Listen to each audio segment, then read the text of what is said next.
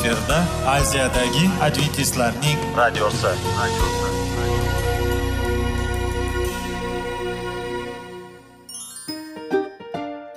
Assalomu alaykum aziz radio tinglovchilar. Sog'liq daqiqasi rubrikasiga xush kelibsiz. Zero tananing sog'lom bo'lishi va uning kasalliklardan saqlash har bir insonning burchi hisoblanadi. Inson uchun bebaho boylik bu sog'liq salomatlikdir. Uni asrash esa har birimizga omonat qilib berilgan. Shuning uchun ham inson o'z sog'lig'ini ehtiyot qilishi va ajib amallardan hisoblanadi. Dono xalqimiz sog'liq tuman boylik deb bejiz aytmagan. Aql idroq sohibi bo'lgan inson o'z hayotini qadrlashi lozim bo'ladi. Hozirgi kunda qanchalik dori darmonlar ko'paymasin tibbiy muassa sifati shifokorlar vasiyasi tibbiy texnika yaxshilanmasin. Agar insonning o'z salomatligi haqida qayg'urmasa kutilgan natijaga erishib bo'lmaydi va biz sizlarga bizning dasturimizga xush kelibsiz deymiz.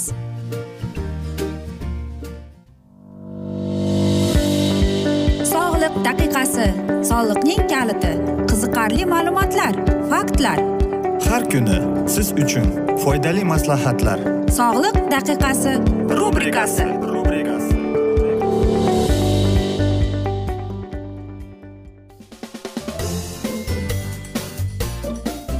assalomu alaykum aziz radio tinglovchilar. Dasturimizga xush kelibsiz va biz sizlar bilan sog'liq formulasida degan dasturda xushvaqt bo'ling deb aytamiz.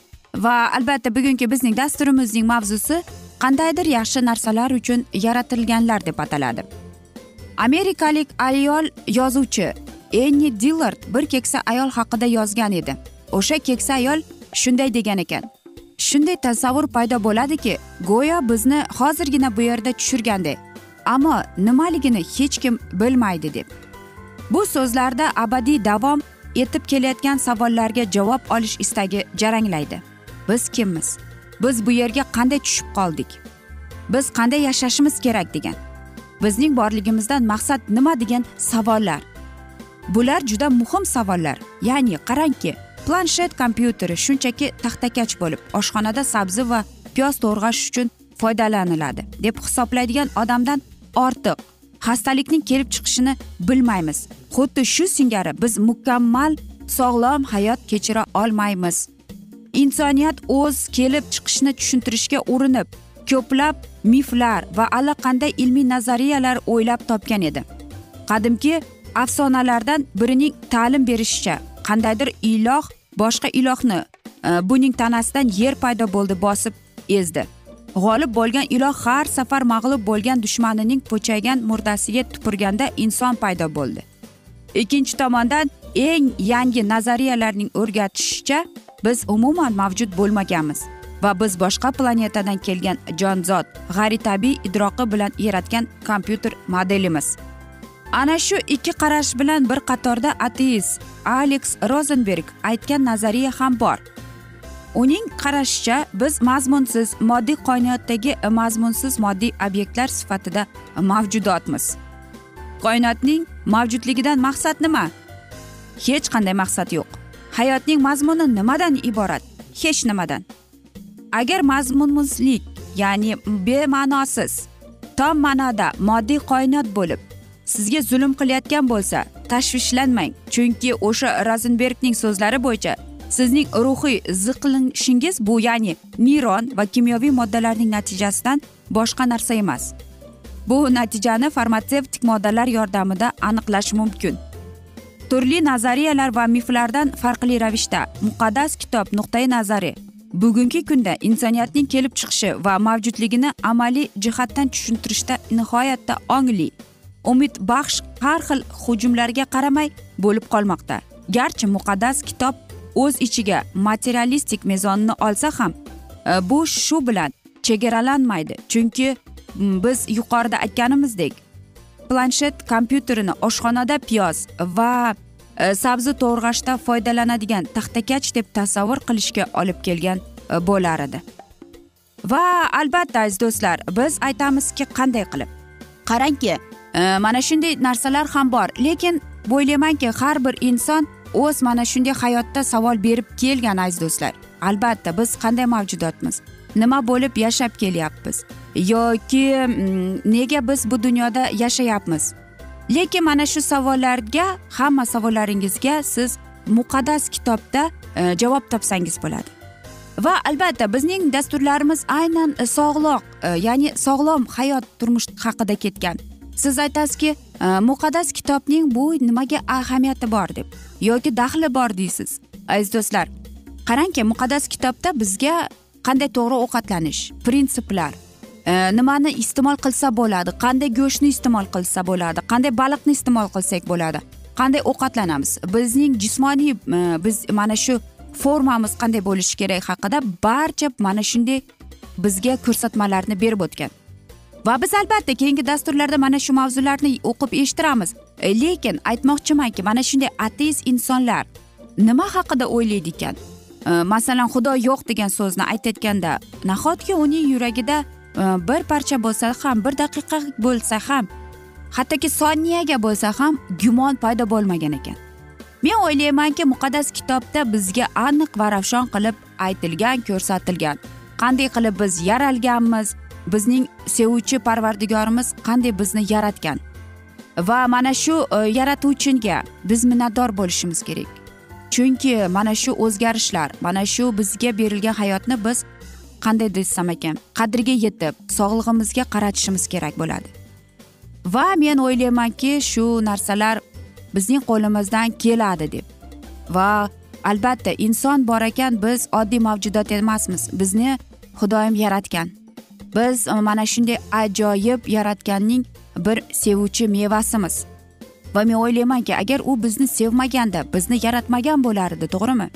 Keling aziz do'stlar. Va mana shu bizga berilgan tanani bizga berilgan hayotni qo'llab quvvatlab qadriga yetib sog'lom turmush tarzini jismoniy mashqlar to'g'ri ovqatlanib va muqaddas kitobda berilgan rioyalarga biz rioya qilaylik. Va mana shunda biz parvardigorimizga mana shunday minnatdorchilikni ya'ni qanchalik biz o'zimizning hayotimizni qadrlayotganimizni ko'rsatamiz. Aziz do'stlar bilasizmi afsuski biz e, mana shunday asnoda dasturimizni yakunlab qolamiz. Afsuski vaqt birozgina chetlatilgan. Lekin keyingi dasturlarda biz mana shu haqida yana davom ettiramiz. Men umid qilaman bizni tark etmaysiz deb chunki oldinda bundanda qiziq bundanda foydali dasturlar sizni kutib kelmoqda deymiz. Aziz do'stlar men o'ylayman hammada savollar tug'ilgan. Agar shunday bo'lsa biz sizlarni salomat klub internet saytimizga taklif qilib qolamiz yoki whatsapp orqali bizga murojaat etsangiz bo'ladi. Plyus bir uch yuz bir yetti yuz oltmish oltmish yetmish. Yana bir bor qaytarib o'taman. Plyus bir uch yuz bir yetti yuz oltmish oltmish yetmish aziz do'stlar. Va biz sizlar bilan xayrlashar ekanmiz aziz do'stlar. Sizlarga va oilangizga tinchlik totuvlik va albatta o'zingizni va yaqinlaringizni ehtiyot qiling deymiz. Keyingi dasturlarda ko'rishguncha xayr omon qoling deb xayrlashib qolamiz.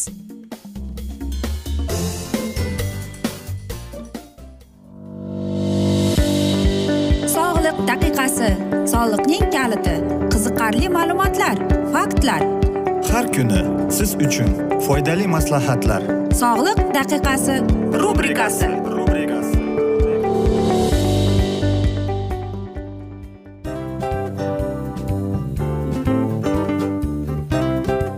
mana ha hayotda hamma narsaning yaxshi narsalar tugaydi va yakunlaydi degandek bizning dasturimizga ham yakun keldi.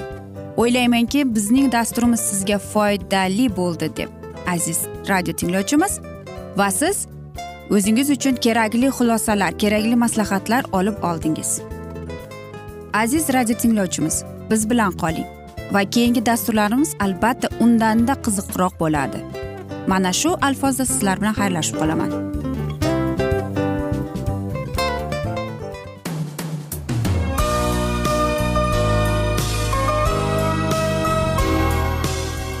Efirda aziyadagi adventistlarning radiosi.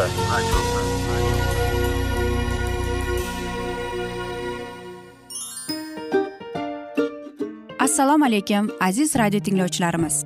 Dil izhori dasturimizga xush kelibsiz. Pul insonni baxtli qiladimi? Albatta yo'q. Sog'liqchi albatta bo'lishi mumkindir. Lekin olimlar shuni isbotlashdiki to'liq va mukammal munosabatlar insonlarni baxtli qilar ekan. Albatta biz hayot davomida biz yaqin insonlar bilan odamlar bilan aloqada bo'lamiz va ular bilan munosabatlarimiz qanday kechadi qanday tuziladi? Yigit va qiz er va xotin ota ona va farzandlar va yaqin insonlar bilan.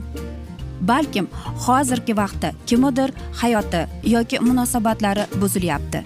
Va bizning dasturlarimiz ularga yordam bo'ladi deb.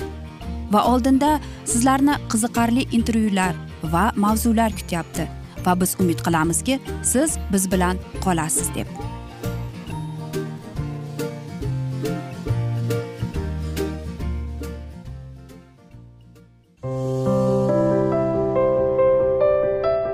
Har kuni har xil kasbdagi odamlar bilan sirlashish va bo'lishish sevgi rashq munosabat. Bularni hammasi dil izhori rubrikasida.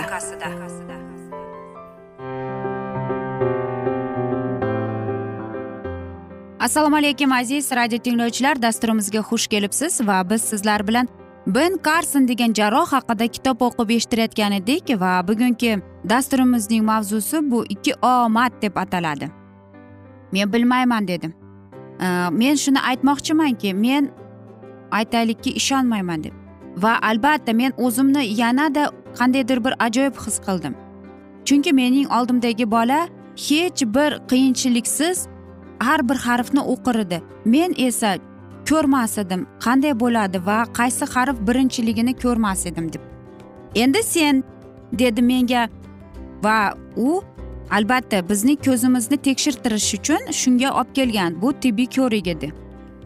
Va uning ovozi judayam xushchaqchaq va mm, mayin eshitilardi. Lekin o'qigin hech ham ko'zingni aytaylikki siz ko'z doktorga borganingizda ko'zingizni tekshirganda qanday ko'rasiz? Va albatta beshinchi sinfda mana shunday mm, majbur siz e, ko'z doktoridan o'tishingiz kerak edi. Э, maktabda menga э, bepul э, ko'zoynak berishardi. Albatta menga uni tanlab o'rgatganda e, shifokor aytgan senda judayam e, e, ko'z ko'rishingni qobiliyating past bola. Shuning uchun ham sen o'zing sen nogiron hisoblanasan deb aytgan. Ammo lekin menimcha mening mana shu ko'rish qobiliyati borgan sari battar bo'lavergan va mening hattoki xayolimga ham kelmaganki nimadir yomon bo'lishini. Ertasi kuni man albatta ko'zoynakda borganman va men e, hayratda qolganman. Chunki boshqa bir sinfning oxirida men ko'rib birinchi marotaba mana shu taxtada nimani yozilganini ko'rgan edim. Va ko'zoynak mening birinchi omadim bo'lgan. Albatta u mana shu ko'zoynak taqqanimning sababi ham e, meni Э, hammadan ham yomon o'quvchi degan nomdan xalos qilgan. Albatta men yaxshi ko'rardim. Va yana bir e, omadim bor ediki matematikadan men uch olgan edim. Albatta bu yaxshi edi chunki men mana shunday uy vazifasini berishganda qiyinchiliksiz topshirardim. Xo'sh menda e, matematikadan uch. Demak men Э, xatolarimni to'g'irlayapman deb va demak umid e, bor. Men unchalik ham ahmoq bola emas ekanman maktabda deb aytgan. Chunki bundan yarim yil avval men eng yomon eng e, yomon o'quvchi edim. Va bilasizmi onamning e, mana shunday o'ziga onamga aytganimda u onam menga dalda berardi. Onam hech qachon menga yomon so'z aytmardi. U aytardi balli beni men sen bilan faxrlanaman. Sening baholaring yaxshilanyapti deb. Xuddi shunday bo'lishi kerak. Axir sen eng aqlli bolasan beni deb. Qanchalik o'zining umidsizligi ichida qanchalik og'ir bo'lmasin bizga bolalarga umid dalda va mana shunday shirin onaning so'zlarini aytib kelar edi bilasizmi? Va men onamga aytardim. Onam bu yetarli emas. Men undanda yaxshi o'qishim kerak. Sen men judayam aqlliman. Faqat shu ko'zoynak taqishim hammasi yaxshi bo'ladi o'g'lim deb aytdi onam. Albatta bilasizmi onamni mening maktabda bo'layotgan baholarim qiziqtirmas edi. Bir kuni men e, mana shu maktab baholarining tabelini olib keldim. Va albatta u mana shu boston maktabini e, o'ylardiki e, bostonning maktabi o'zgacha bo'ladi deb. Va u e, qachonki baholarni ko'rib va tushunib yetdiki hammasi yomonligini. Ammo lekin onam hech qachon menga aytmagan. Nega sen shundaysan? Nega boshqa bolalar aqlli va aytaylikki hamma narsaga tirishqoq deb? Yo'q. Onam bizga bitta so'z aytardi. Mening ikkita aqlli va eng dono bolalarim bor deb. Va men aytardim men harakat qilyapman ona deb. Lekin undan ham yaxshi bo'lishi kerak beni deb aytardi. Sen hozir matematikadan e, baholaringni to'g'irlayapsan. Mana shunday qilib davom ettiraver deb onam menga aytardi. Qarang onaning so'zi onaning birgina shirin so'zi qanchalik bolani ilhomlantirgan qanchalik o'zida ishonchni paydo qildirgan. Va men o'ylaymanki har bir e, ota ona bolasiga shunday so'zlarni aytish lozim deb o'ylayman. Chunki bola shunga muhtoj bola sevgiga muhtoj ona mehriga ota mehriga muhtoj. Orada ota ona ajrashgan bo'lsa ham benining sari karson hech qachon qo'lini tushirmagan. U doimo bolalariga g'amxo'rlik qilib dalda so'zlarini aytib hech qachon sen yomonsan deb aytmagan. Qaytanki ularni qo'llab quvvatlab bundanda yaxshi bo'lish kerak baholaring bolam deb aytib qanchalik aqli qanchalik dono bo'lgan onasi. Va men o'ylayman bu eng yaxshi tarbiya bo'lgan deb o'ylayman. Umuman olib qaraganda ben karsonning hikoyasi va uning hayot e, turmush tarzi bizga bir ilhomlantiruvchi bo'lishi kerak deb o'ylayman. Va mana shunday asnoda biz bugungi hikoyamizni yakunlab qolamiz. Afsuski vaqt birozgina chetlatilgan lekin keyingi dasturlarda albatta mana shu hikoyani yana davom ettiramiz.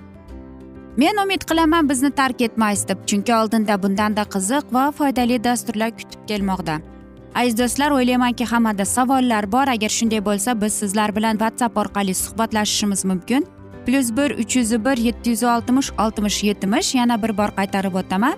Plyus bir uch yuz bir yetti yuz oltmish oltmish yetmish aziz do'stlar. Va biz sizlar bilan xayrlashar ekanmiz. Sizga va oilangizga tinchlik totuvlik tilab seving seviling deb xayrlashib qolamiz.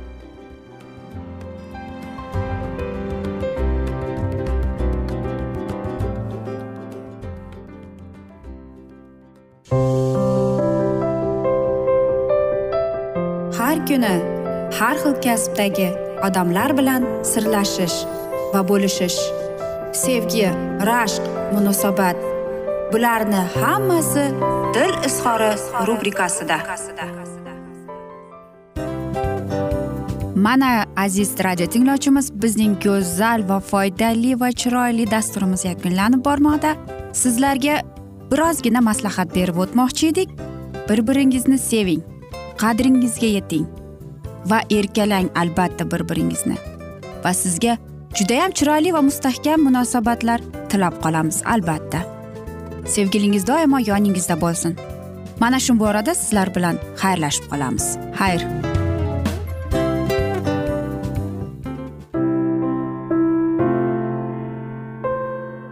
Hayotning noni qiziqtirgan savollar va javoblar. Buning hammasi ko'ngil uchun oziqa rubrikasida.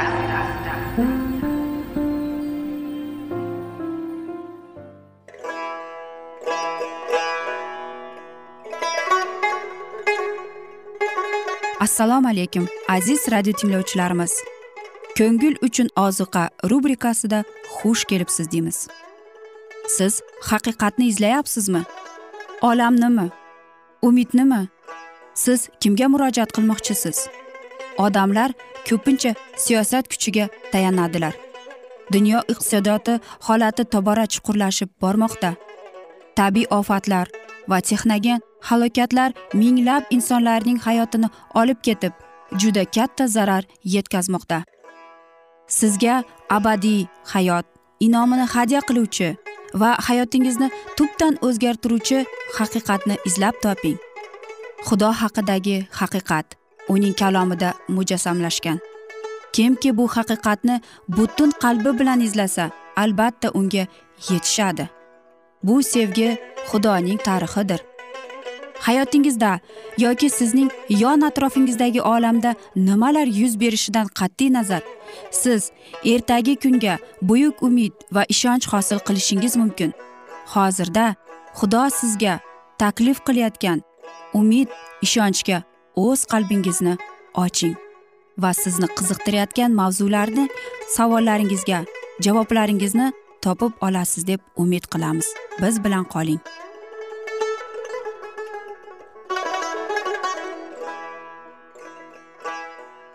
Assalomu alaykum aziz radio tinglovchilar. Dasturimizga xush kelibsiz va biz sizlar bilan ulug' otalar va payg'ambarlar deb nomlangan kitobni o'qib eshittirishni boshlagan edik va bugungi bizning dasturimizning mavzusi bu sinay tog'idan to qadeshgacha deb ataladi va bu o'tgan galgi mavzuni yana davom ettiramiz.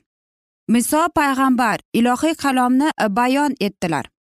Maryam tabiatning kuchi bilan erta belgilandi. U bolaligida nil daryosining sohilida guda muso yashirilgan savatni kuzatib turgan edi. O'z xalqi xaloskorning hayotini saqlab qolish uchun xudovand uning nazokatli bo'lishi bilan va o'zini tuta bilishidan foydalandi. Boy inomlarga sazovor bo'lgan maryam qobiliyatli shoira va sozanda edi. U isroillik ayollari ichida birinchi bo'lib qizil dengiz sohasida ayollarni yetaklab kuylab raqs tushgan edi. Muso va xorindan keyin u osmonning murvatiga sazovor bo'lib xalqning chuqur sevgisiga huquq olgandi. Ammo osmonda to'qnashuvga sabab bo'lgan xuddi o'sha yomonlik ushbu isroillik ayolning qalbida tug'ildi va o'z fikrdoshlarini ham topoldi yetmish oqsoqollarni tanlaganda muso xorin va maryam bilan maslahatlashmadi va shu sababli ularda rashq hissini uyg'otdi. Isroilliklar sinay tomon yo'lga bo'lgan paytida musoning qaynotasi yotur mehmon bo'lib kelgan edi yotur musoga maslahat berib yordamchilari bo'lish uchun xalq ichidan hurmatli erlardan tanlashni taklif etdi. Muso tayyorgarlik bilan ushbu maslahatni qabul qilganida xorin va maryam rashk qilib endi yotir buyuk dohiyga katta ta'sir ko'rsatur deb qo'rqdilar. Oqsoqollar kengashi tuzilganida endigina ularning obrusiga va vaziyatlariga e'tiborsiz muomala qilishardi deb o'ylardi. Xorin va maryam musoning zimmasiga yuklangan g'amxo'rlik va javobgarlikning og'irligini hech qachon bilmaganlar. Ular musoga yordam qilish uchun saylanganlarida munosib Э, o'zlarini muso bilan teng mavqeiga sazovormiz deb yetmish oqsoqollar tayinlashlarini bekor sanadilar. Muso unga ishontirilgan buyuk vazifaning mazmunini boshqalarga nisbatan juda aniq anglagandi va o'z arzimasligini tushunardi va hamma savollarni xudo bilan yechardi. Xorin esa o'z to'g'risida yuqori fikrda ekan xudoga kamroq murojaat qilardi. Sinada butparastlik ro'y berganida u berilgan mas'uliyatiga zid tabiatining ojizligini namoyon qildi va kam jonligida bo'sh keldi. Shuning bilan muvaffaqiyatdan toydi. Ammo maryam va xorin rashk hasadlari to'lganiga munosib bo'lib o'tgan voqealarni eslaridan chiqardilar. Xudo xorinni yuksaltirgan edi. Uning butun oilasi butun muqaddas diniy xizmatini olib borardi. Ammo bu vaziyat o'zini yuksaltirish uchun intilishni yanada kuchaytirdi. Va dedilar nahotki yagona musoga xudovand gapirgan bo'lsa u bizga ham gapiradimi? deb o'zlarini xudo tomonidan tanlaganlarida muso bilan teng sanab ular muso bilan teng obro' va mavqega huquqlarini e'lon qilishardi. Norozilik ruhiga berilib maryam shikoyat qilish uchun sabab topdi. Xudo maxsus ravishda qo'llagan voqealardan u foydalandi. Musoning uylanganini unga yoqmasdi. Muso o'zi uchun isroil xalqidan emas boshqa qavmdan xotin olgani masamni maryamni kamsitdi.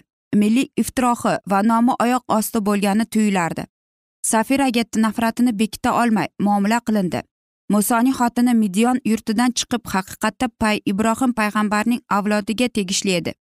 Tashqi ko'rinishida u isroil ayollaridan farqlanib ulardan qora mag'izroq edi.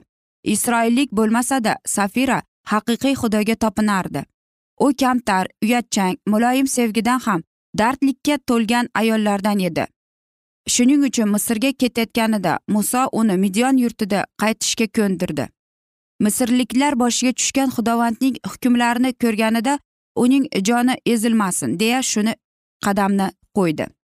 Safira erining oldiga sahroga qaytganida u erining zimmasiga yuklangan javobgarlikning og'irligini ko'rgach musoning sog'lig'iga xavotirlandi va otasiga gapirdi. Ana shunda yotir musoning taqdirini yengillashtirmoqchi bo'lib nasihat berdi. Maryam safirani sevmaganingni bosh sababi shu bo'ldi.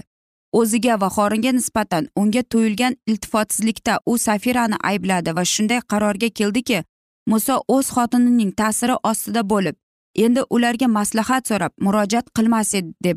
Agarda xorin haqqoniyat uchun jiddiy tura olganida edi u yomonlikni negizida kirib qirib tashlardi. Ammo maryamning xulq atrofi gunohli ekanligiga e'tibor berishi o'rniga qorin hamdardlik bilan uning shikoyat qilishiga quloq soldi va shunday qilib uning rashqiga qo'shildi. Muso o'z aybdorchilarini chidamlik bilan sukut saqlab tingladi. Bu odat u midyon diyorida og'ir zahmat chekib yashaganida rivojlantirardi. Uzoq qiynalib kutish yillar davomida u o'zida kamtar uzoq chidamli ruhni oshirdi. Xalqni iymonli sustligiga uning shikoyat qilishiga shuningdek unga yordam qilish uchun tayinlanganlarning rashq va mag'rurligiga chidamlik bilan muomala qilishiga u o'rgandi. Yer yuzida yashaganlardan muso eng kamtar inson edi. Shuning uchun unga hech kimga berilmagan ilohiy donolik va rahbarlik inom qilingan edi.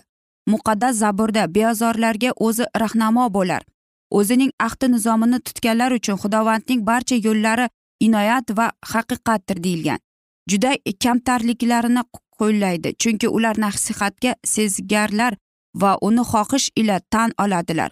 Ilohiy irodani bilishga samimiylik ko'rsatib uni bajarishga qalblari doimo yolqinlanib turardi. Aziz do'stlar mana shunday asnoda esa biz afsuski bugungi dasturimizni yakunlab qolamiz chunki vaqt birozgina chetlatilgan. Lekin keyingi dasturlarda albatta mana shu mavzuni yana o'qib eshittiramiz. Yoki biz sizlar bilan whatsapp orqali yana davom ettirishimiz mumkin. Bizning whatsapp raqamimizni eslab qoling. Plyus bir uch yuz bir yetti yuz oltmish oltmish yetmish aziz do'stlar. Barcha qiziqtirgan savollaringizga javob beramiz deymiz. Va men umid qilamanki bizni tark etmaysiz deb chunki oldinda bundanda qiziq bundanda foydali dasturlar sizni kutib kelmoqda deymiz. Va biz sizlar bilan xayrlashar ekanmiz. Sizlarga va oilangizga tinchlik totuvlik tilab o'zingizni va yaqinlaringizni ehtiyot qiling deb xayrlashib qolamiz.